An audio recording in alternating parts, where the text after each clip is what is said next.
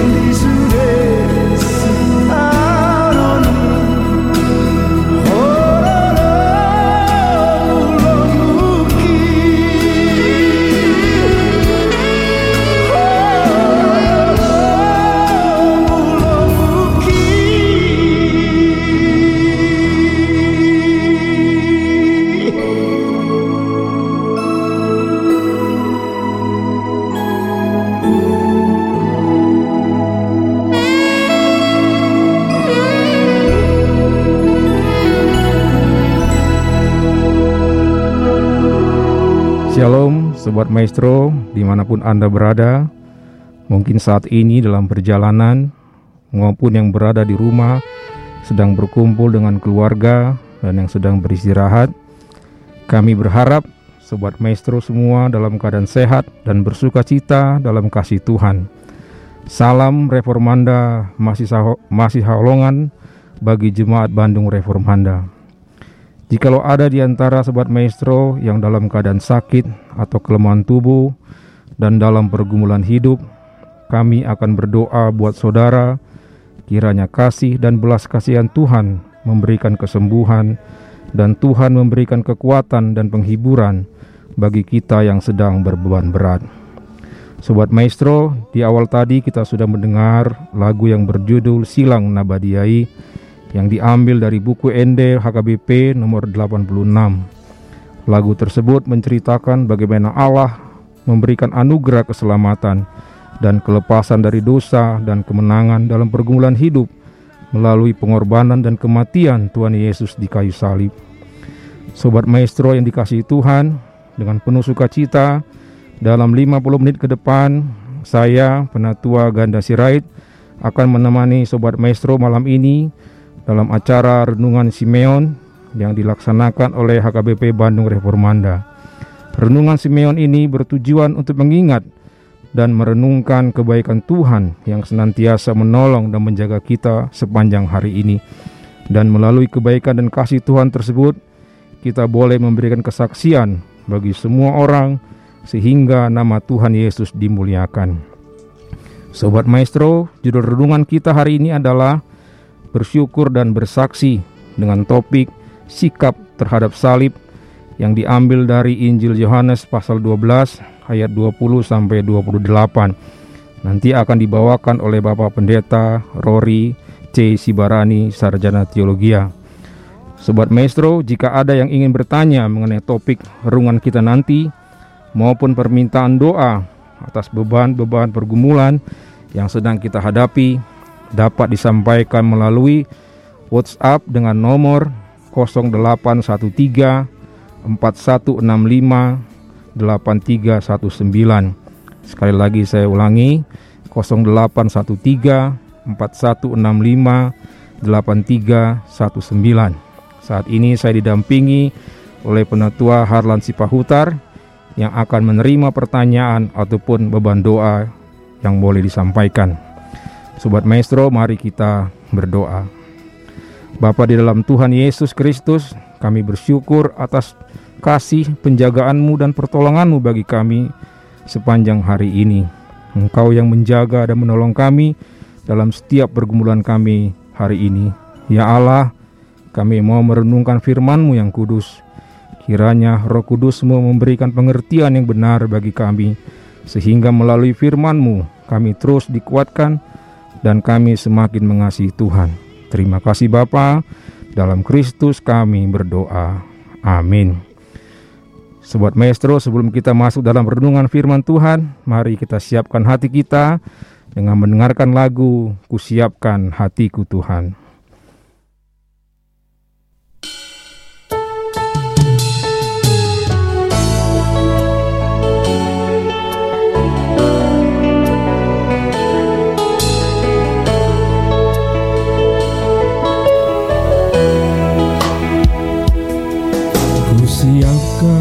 Hatiku Tuhan Untuk dengar firman-Mu.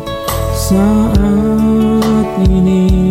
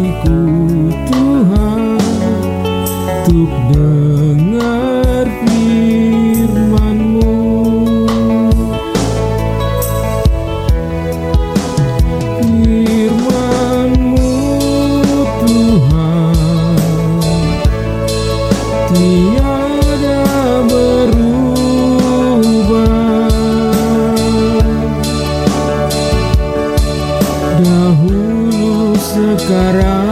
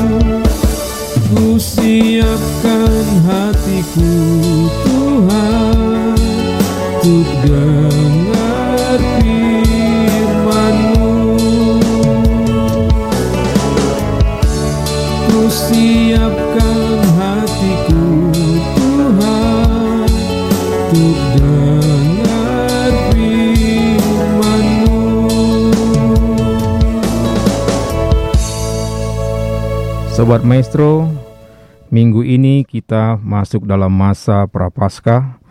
Kita diingatkan kembali akan masa-masa sengsara Tuhan Yesus menjelang Dia akan disalibkan. Topik kita hari ini adalah sikap terhadap salib yang didasari dari nas Alkitab Yohanes 12 ayat 20 sampai 28. Mari kita mendengarkan firman Tuhan yang akan disampaikan oleh Pendeta Rory C. Sibarani. Silahkan Amang Pendeta. Terima kasih kepada Bapak Penetua Kada Sirait. Sobat Maestro, kita kembali bertemu dalam renungan pada malam hari ini dari HKBP Bandung Reformanda.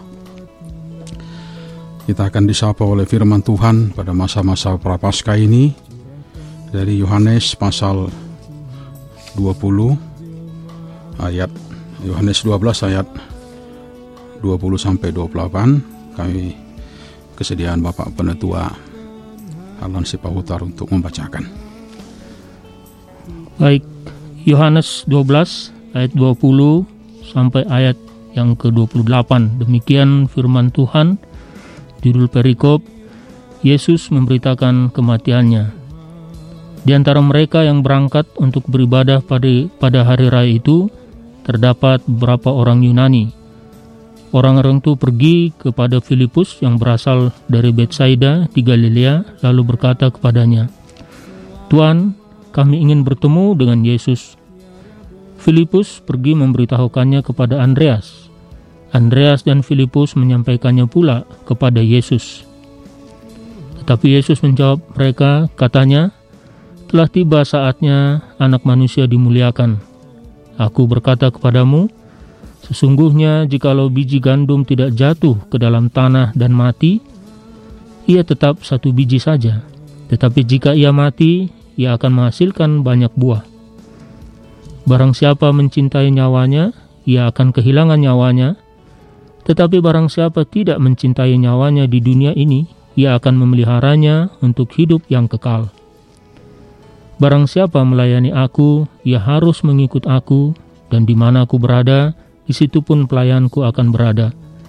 Barang siapa melayani aku, ia akan dihormati Bapa.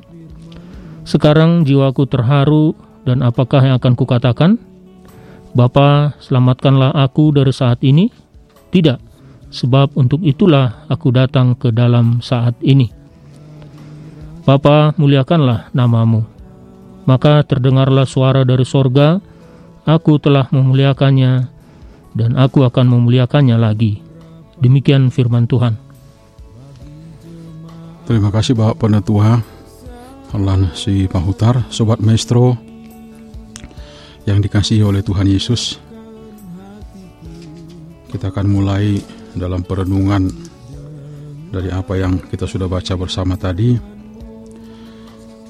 Kita sama-sama mengetahui bahwa ada beberapa kelompok yang selalu hadir pada saat Yesus mengawali pelayanannya bahkan sampai mengakhiri pelayanannya itu. Ada kelompok yang sangat uh, fasih dengan soal-soal hukum Taurat. Ada kelompok yang sulit memahami akan kebangkitan dan ada kelompok-kelompok yang lain yang selalu punya keinginan untuk diskusi dan berdebat dengan Tuhan Yesus.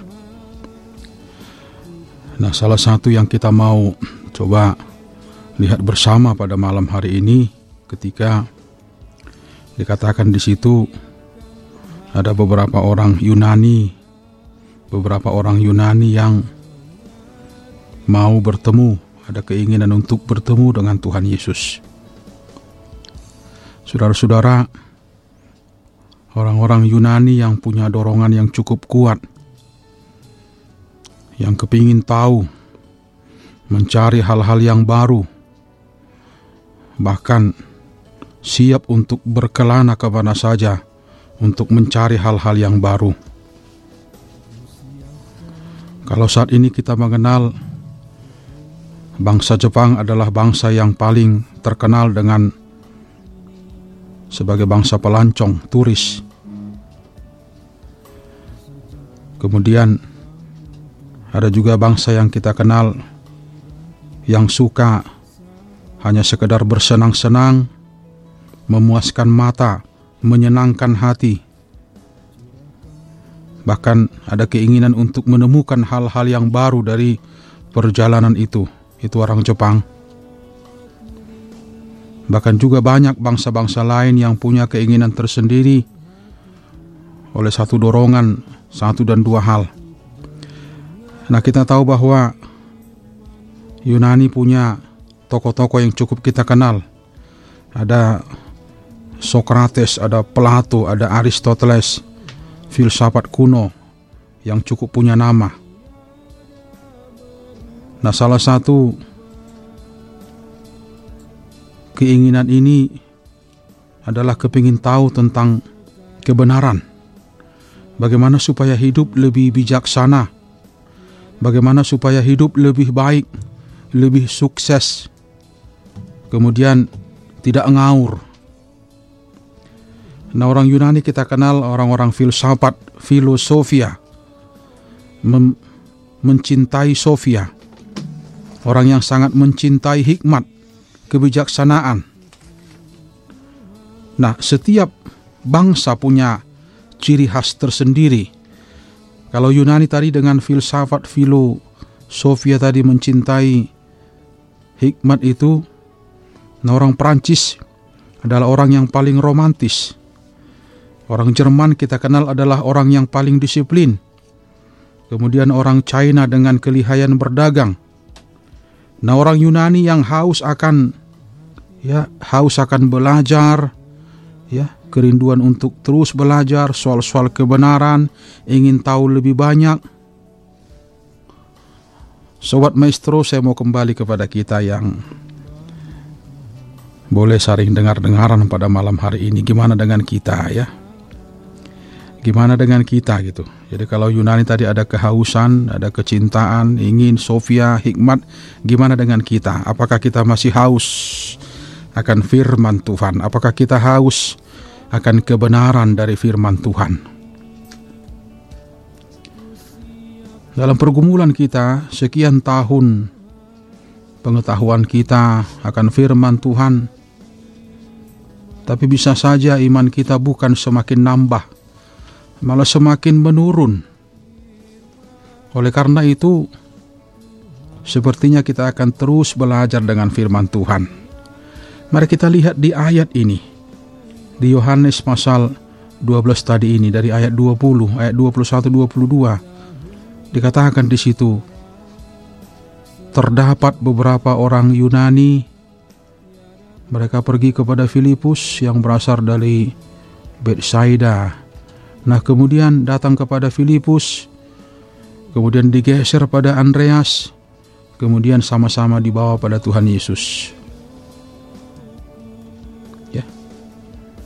Apa pun yang melatar belakangi kerinduan itu dari orang, beberapa orang Yunani ini datang kepada Tuhan Yesus.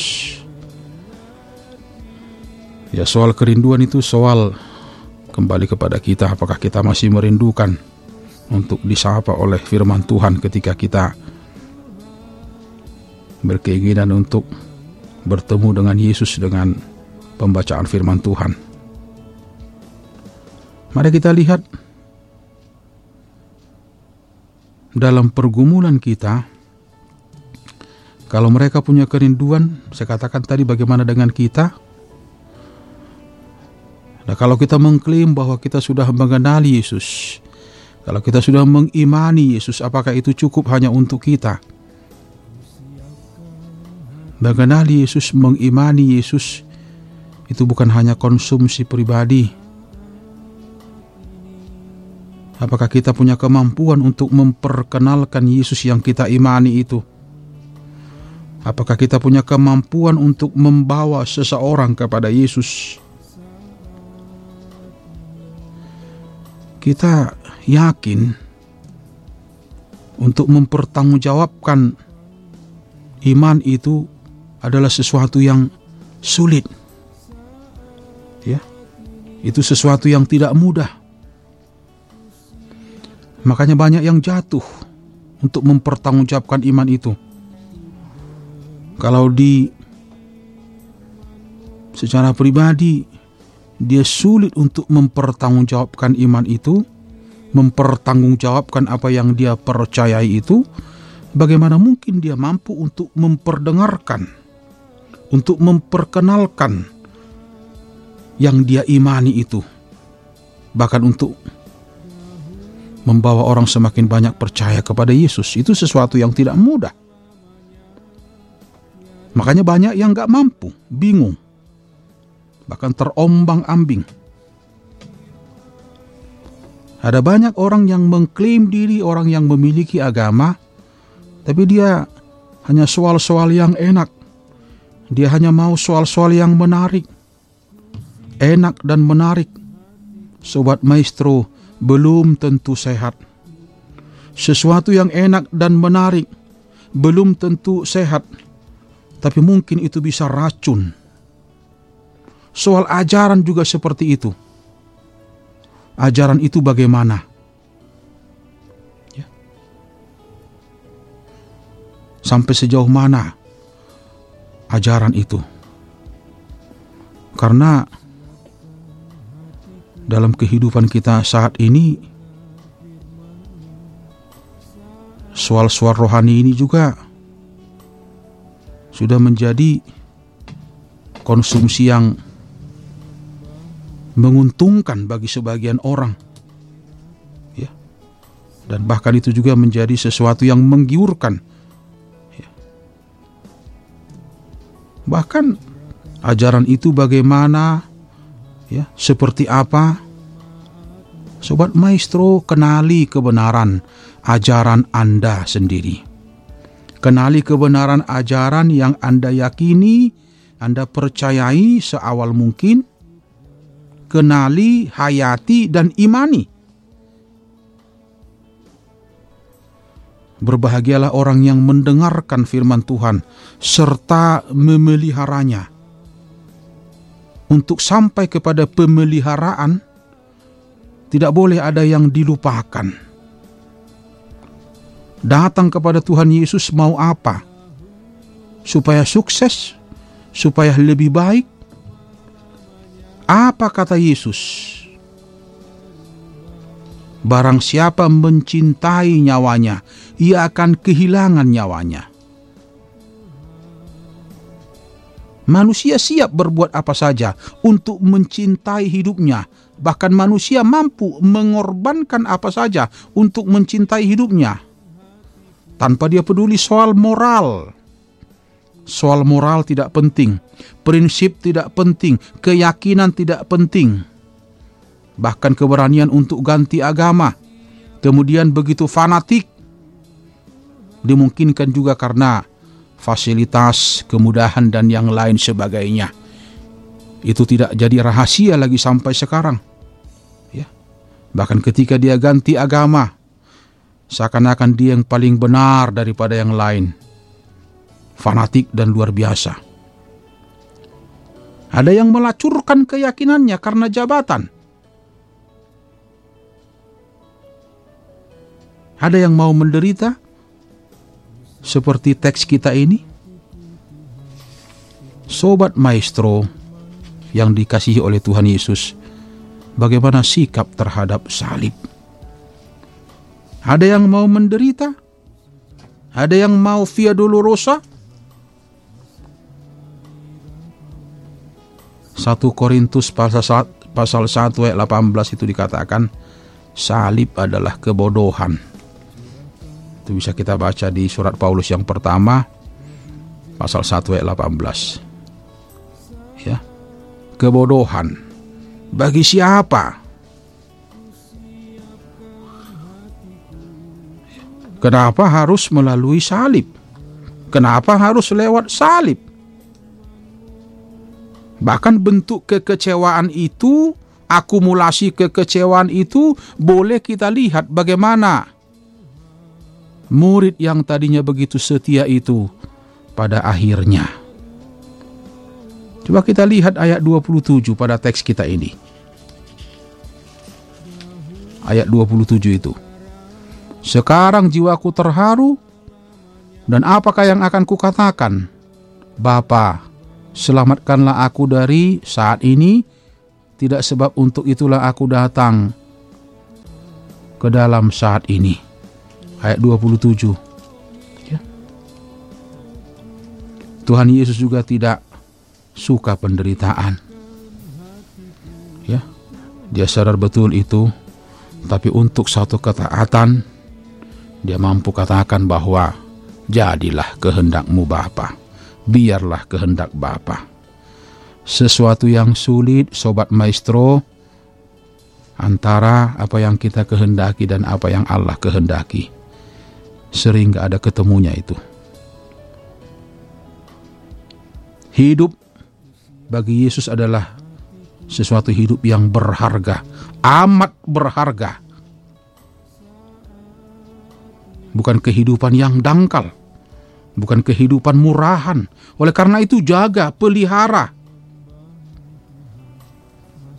Walaupun hidup hanya sementara, jangan korbankan Jangan karena sayangi hidup, korbankan hal-hal yang prinsip. Jangan korbankan apa yang kamu imani, apa yang kamu yakini. Oleh karena kamu sangat menyayangi hidup ini, hidup sekali, cobalah lebih terhormat dalam hidup ini. Jangan asal hidup, jangan asal enak, bahkan di kesementaraan hidup ini jangan jadi manusia tega. Jangan jadi pengkhianat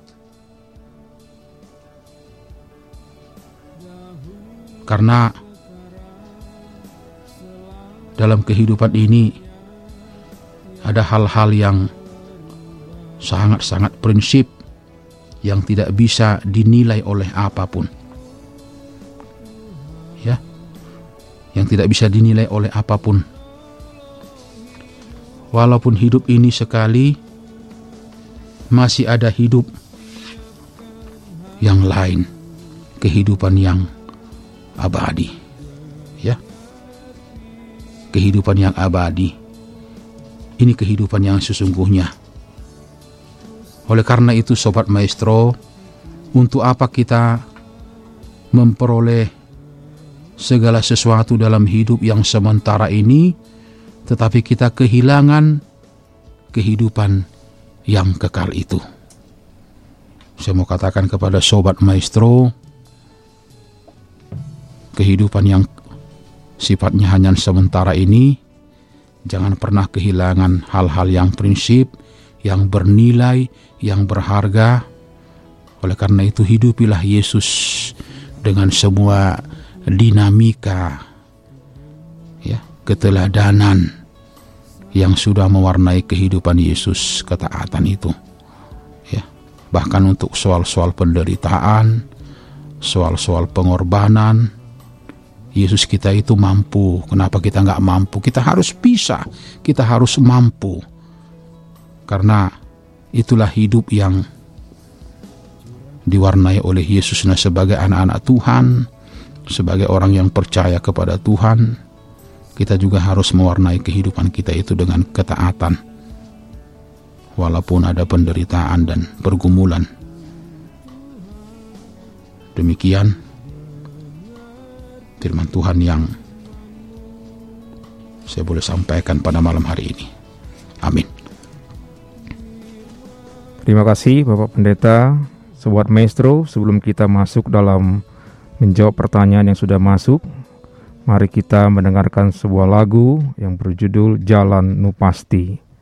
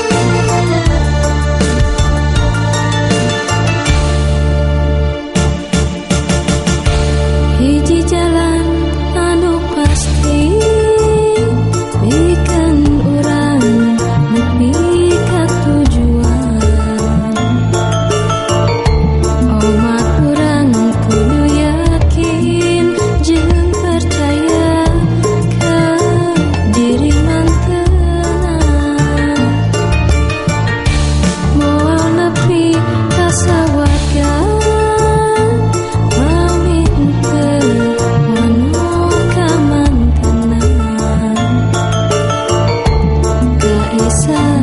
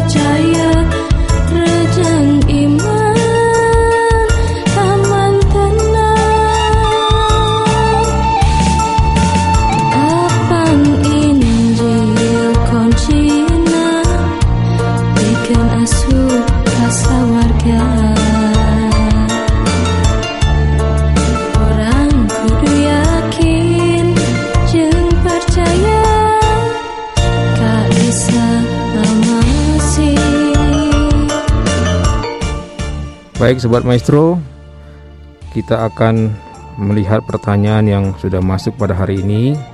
Bapak Pendeta, ini ada satu pertanyaan yang sudah masuk. Demikian pertanyaannya. Mengapa harus melalui salib Tuhan Yesus dipermuliakan? Apakah tidak ada jalan lain yang bisa Allah sediakan? Silakan Bapak Pendeta. Eh, Sobat Maestro, terima kasih untuk eh, pertanyaannya. memang untuk sampai kepada kemuliaan ya, untuk sampai kepada satu hal yang saya katakan kemuliaan ya, kemegahan kalau kacamata kita kalau pemahaman kita ya memang tidak harus seperti itu Ya. kalau memang anak manusia harus ditinggikan kenapa harus lewat salib ya. ya sesuatu yang saya katakan tadi memang itu kebodohan ya.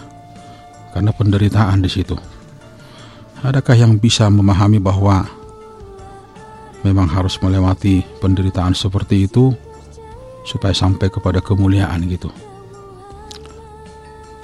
itu adalah sesuatu hal yang sudah dipersiapkan oleh Allah sudah sesuatu yang sepah yang sudah dipersiapkan oleh Allah bahkan jauh sebelumnya kalau kita lihat dari suara hamba-hamba Tuhan ya suara nabi di perjanjian lama bahwa anak Allah harus melewati penderitaan itu ya anak Allah harus melewati saat-saat penderitaan itu untuk sampai kepada kemuliaan itu. Nah, saya juga melihat memang dalam kehidupan kita yang ya saat ini kelemahan kita kan kalau kita melihat keberhasilan seseorang itu, kebolehan seseorang itu pada saat dia sudah boleh, dia sudah dia sudah dalam titik yang maksimal gitu.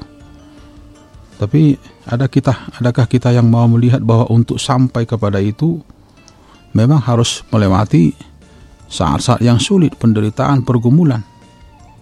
Saya pikir kita sangat menikmati itu kalau kita memang dari awal sudah menata kesetiaan itu walaupun ada suka duka di situ.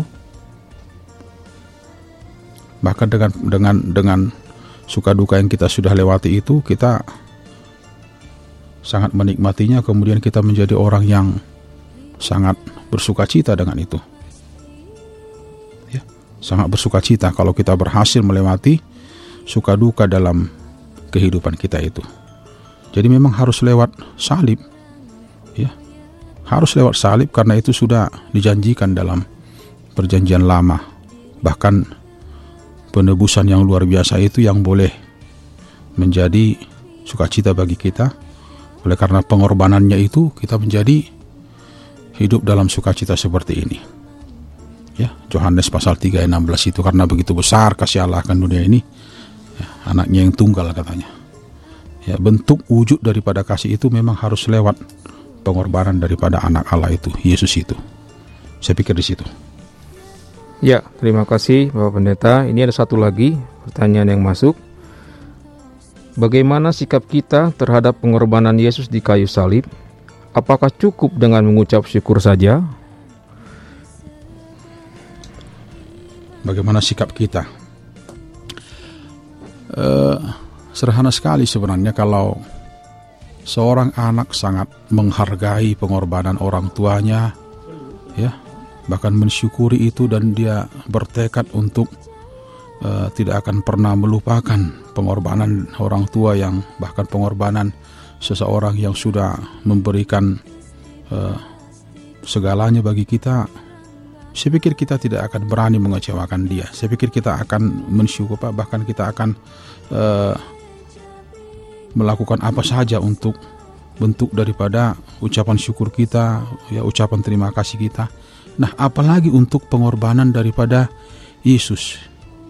Memang bagi kita pengorbanan itu adalah sesuatu yang gratis, tapi kita harus ingat bagi Allah itu bukan yang gratis. Dia mengorbankan, dia memberikan anaknya yang tunggal supaya kita diselamatkan, ya. Bagi kita gratis, tapi bagi Allah pengorbanan anaknya. Nah, bagaimana kita merespon itu? Memang tidak hanya mensyukuri itu, tapi menghidupi pengorbanannya itu, mempergumulkan itu, dan bertekad akan menjadi anak Tuhan yang selalu, seperti yang saya katakan dalam renungan tadi itu, memegang kuat itu dalam kehidupannya. Saya katakan tadi, kita tidak mau gadaikan iman kita itu. Kita tidak mau hal-hal yang sederhana, ya, kemudian itu menjadi hilang. Padahal ada hal-hal yang prinsip yang harus kita tata, kita jaga dalam kehidupan ini. Nah, kita tidak mau itu dicederai oleh hal-hal yang saya katakan tadi soal-soal kesementaraan itu. Ya. Ini yang harus kita pergumulkan. Tetap menjadi anak Tuhan yang prinsip dengan kesetiaan soal-soal yang saya katakan tadi itu ada yang prinsip dalam kehidupan ini. Percaya, kesetiaan, ya, iman. Ini yang tetap akan menjadi pergumulan bagaimana kita bisa menjadi ya bahkan sampai akhir ya. Karena ada mahkota di situ kan. Itu di wahyu itu. Hendaklah engkau setia sampai akhir. Aku akan mengaruniakan kepada mahkota kehidupan katanya. Tidak ada mahkota bagi yang gak setia. Tapi kalau kita setia sampai akhir baru kita akan memperoleh mahkota. Saya melihat di situ ya. Jadi memang kita harus jaga itu. Makasih. Terima kasih untuk penjelasannya Bapak Pendeta, Sobat Maestro. Mari kita dengarkan sebuah lagu yang berjudul Barita Na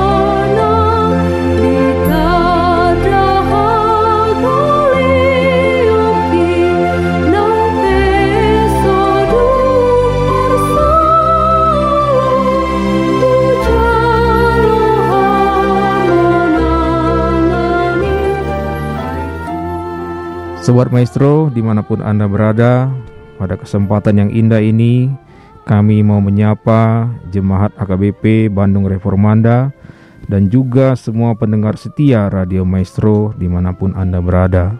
Yang pertama, kami mau menyapa Bapak Pendeta Oktorium Huta Barat dan Ibu Pendeta Roida Situmorang yang dalam pemulihan. Saudara kami Marwasa Silitonga di Citra Raya Semoga semakin pulih dan sehat. Demikian juga untuk keluarga Situa Sabar Sitorus di Ranca Kendal, semoga semakin disehat. Keluarga calon Situa W Saragi, kiranya semakin dipulihkan. Ibu Bergita Marpaung Boru Tobing beserta Kera Marpaung, kiranya semakin sehat. Keluarga Hendra Nababan di Dumai, Situa Nyonya Dababan baru Samosir di Haji Yasin, puji Tuhan sudah semakin dipulihkan. Bapak M Simbolon beserta Inang Simbolon baru Pasaribu di Kebun Bibit. Nyonya Tapu Bolon baru Samosir di Safir Biru. Situa Nyonya Pakpahan baru Tapu Bolon di Sukaresik. Kiranya Tuhan selalu memberikan kekuatan dalam menghadapi semua pengobatan. Untuk calon situa Saud Tadius Huta Barat, Semoga Tuhan memberikan penghiburan dan kekuatan. Bapak A menulang di Jalan Pelisiran, keluarga guru FL Tobing di Jalan Rancamanyar Turangga. Kiranya Tuhan semakin memberikan kesembuhan. Demikian juga untuk keluarga M Simanjuntak dalam Boska. Puji Tuhan sudah semakin dipulihkan. Kiranya Tuhan terus memberikan kesehatan yang paling baik. Keluarga Situa M. Marpaung Borodolok Saribu Jalan Mustang 40 Keluarga Nyonya Si Hombing Baru Simanjuntak di Sindang Sirna. Puji Tuhan sudah semakin sehat. Ibu Elizabeth Marpaung Jati Handap Tetap semangat mengerjakan disertasinya. Semoga bisa lulus tahun ini. Situa Ronald Butar-Butar di Pramubuli Semoga semakin semangat dalam pekerjaan keluarga Situa Porman Pengeribuan di Sabu Jagat, keluarga calon Situa Luki Nainggolan di Linggawastu, Nyonya Panjaitan Boru Manurung di Cimahi, Situa Silalahi, Nyonya Silalahi Boru Sihombing di Cimuncang Regensi, Billy Yuhanda Sembiring, Ci Siuhua, kiranya Tuhan terus beserta keluarga besar, Nyonya Gultom baru si Tompul, Tuhan senantiasa memberkati keluarga Situa BE Silalahi. Kiranya Tuhan terus menjaga dan menguatkan. Dan yang terakhir kepada keluarga besar kita para lado HKBP Bandung Reformanda, kiranya Tuhan terus memberikan semangat bagi kita dalam melayani. Sobat Maestro, tiba saatnya kita akan menaikkan doa syafaat kita kepada Tuhan. Kami silakan Bapak Pendeta. Kita bersatu dalam doa. Bapa yang bertahta dalam kerajaan surga yang kami imani di dalam nama anakmu Tuhan Yesus. Dalam dua syafaat kami, kami mendoakan teman-teman pelayan dan juga jemaatmu HKBP Bandung Reformanda yang masih harus menjalani isolasi mandiri. Biarlah pada waktunya semua pelayan dan jemaatmu dipulihkan kembali dan mereka kembali boleh beraktivitas seperti keadaan semula. Kami doakan juga ibu kami Nyonya Pakpahan Boru Tampu Bolon yang masih dalam perawatan. Ibu Panjaitan Boru Nadeak juga masih dalam perawatan. Kami juga doakan Bapak M. Tambun masih dalam perawatan. Demikian juga Bapak Amanulang, Ibu Marbun Boru Purba yang masih juga dalam perawatan dalam kondisi yang belum pulih. Demikian juga kami doakan Ci Sihwa yang ada di Kebon Jati 125. Kau boleh berkati anak, cucu, cicit, bahkan juga untuk kesehatan menjalani masa tua berkati semua pekerjaan. Kami juga doakan saudara Billy Wanda Sembiring, biarlah semakin dipulihkan semua pelayan dan jemaatmu Tuhan. Untuk melewati saat-saat yang sulit ini, kau boleh berkati semua asupan makanan bahkan juga obat-obatan dan semua yang sudah kau berikan kepada mereka sehingga pada saatnya mereka boleh kembali dalam sukacita yang daripada engkau itu. Mereka boleh rasakan pemeliharaanmu di tengah-tengah keadaan yang mereka alami saat ini. Kami juga doakan Ibu Sirafita, si Hombing Boru, si Mangunsong, biarlah semakin engkau pulihkan dalam keadaannya. Demikian juga kami berdua pada malam hari ini untuk keluarga yang sudah ditinggalkan oleh orang-orang yang dikasihi. Kau berikan penghiburan, kekuatan, kesabaran untuk melewati masa-masa duka ini sehingga mereka boleh melihat kuasa dan campur tangan Tuhan dalam kehidupan semua keluarga yang ditinggalkan. Kami juga berdoa, ya Tuhan Yesus untuk jemaatmu yang masih akan terus mencari pekerjaan.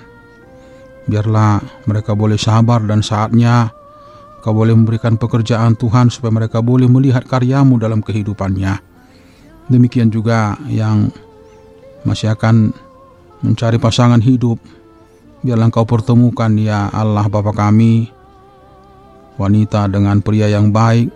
Pria dengan wanita yang baik yang mengimani engkau. Sehingga mereka juga boleh melihat kuasamu karena kami tahu banyak cara Tuhan untuk memberikan yang terbaik bahkan menghadirkan sukacita dalam setiap anak-anakmu yang memohon dan meminta kepadamu. Demikian juga berkat keturunan, biarlah engkau boleh juga Tuhan menyatakan itu pada saatnya melalui doa dan usaha daripada anak-anakmu. Pemeliharaanmu kepada janda dan anak yatim, biarlah kau boleh pelihara mereka lewat cara Tuhan, bahkan melalui semua keluarga yang boleh mendukung, bahkan juga persekutuan di tengah-tengah gereja dan persekutuan daripada semua janda yatim. Banyak cara Tuhan yang boleh. Kami percaya Tuhan untuk memperlengkapi, bahkan mencukupkan semua janda anak yatim terlebih di tengah-tengah gerejamu. Kami juga doakan para pengusaha kecil menengah, bahkan pengusaha besar Tuhan berkati, biarlah di tengah-tengah masa-masa sulit ini engkau boleh mencukupkan apa yang perlu sehingga ke depan mereka boleh dipulihkan kembali dengan semua usaha-usaha mereka. Kami juga doakan negara ini Tuhan, bangsa ini bahkan dunia ini, konflik yang masih berkepanjangan di Ukraina dan Rusia Tuhan biarlah engkau sadarkan ingatkan pimpinan Tuhan untuk arif dan bijaksana bahwa invasi atau perang adalah sesuatu yang tidak baik karena itu mengorbankan banyak hal Tuhan terlebih mengorbankan ciptaanmu mengorbankan Tuhan banyak anak-anak Tuhan yang merindukan perdamaian itu. Biarlah engkau ingatkan Tuhan bahwa pemimpin-pemimpin harus takut pada Tuhan. Pengungsi juga yang ada di dunia ini bahkan korban daripada bencana alam, perang dan lain sebagainya. Biarlah mereka engkau pelihara Tuhan dengan caramu sehingga ke depannya mereka boleh dilegakan kembali. Bahkan kami juga doakan untuk bangsa ini Tuhan yang masih harus berjuang dengan situasi ini. Biarlah pemimpin bangsa ini boleh mengambil keputusan yang bijak Tuhan supaya bangsa ini boleh lambat laun keluar dari kesulitan ini sehingga semua masyarakat boleh bersuka cita Tuhan untuk memenuhi kehidupannya bahkan semua tanggung jawab yang kau sudah berikan Tuhan gerejamu biarlah engkau selalu memelihara supaya gereja setia dengan tritugas panggilannya bahkan juga gerakan oikumene kebersamaan di tengah-tengah perbedaan itu Tuhan sehingga itu menjadi kekuatan bahkan kekayaan di tengah-tengah perbedaan itu. Bahkan juga masa-masa prapaskah ini supaya masuk dalam perenungan Tuhan untuk merenungkan dan menikmati akan anugerah Tuhan kepada semua anak-anak Tuhan. Berkati juga para pemberita Injil yang ada di kota Bandung ini, provinsi ini bahkan di bangsa ini juga dinilai Tuhan untuk selalu setia dengan tugas panggilan itu dan engkau cukupkan Tuhan apa yang perlu bagi mereka. Kami doakan Radio Maestro ini yang menjadi alat Tuhan untuk menyampaikan kabar sukacita untuk kota Bandung ini bahkan semua pelayan-pelayan demikian juga gerejamu HKBP Bandung Reformanda yang selalu setia dengan siaran rohani ini setiap hari kami seperti ini Tuhan biarlah engkau boleh menyaksikan itu melalui firman Tuhan yang selalu disampaikan oleh hambamu di tengah-tengah kota Bandung ini.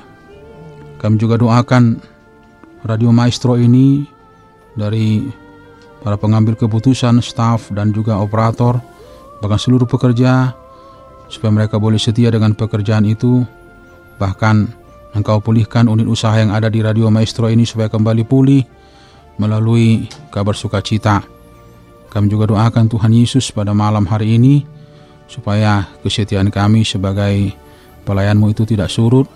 Bahkan Engkau selalu memberikan kesehatan, sukacita bagi kami semua, juga bagi semua pelayan, pelayan gerejamu. Terima kasih Tuhan Yesus. Dengarkanlah dua permohonan kami ini. Amin.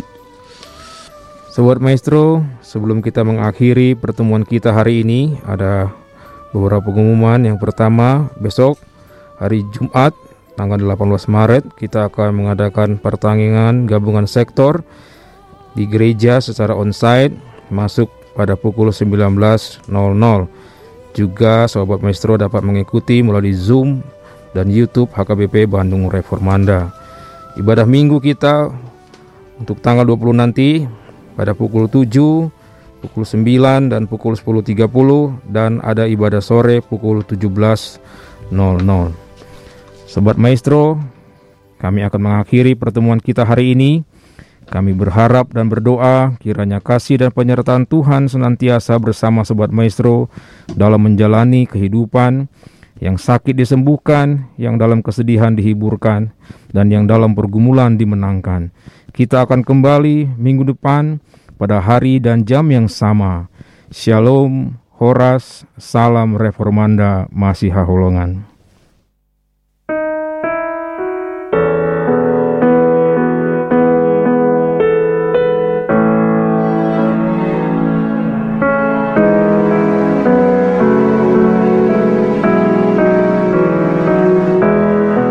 Sekarang Tuhan, biarkanlah hambamu ini pergi dalam damai sejahtera sesuai dengan firman-Mu.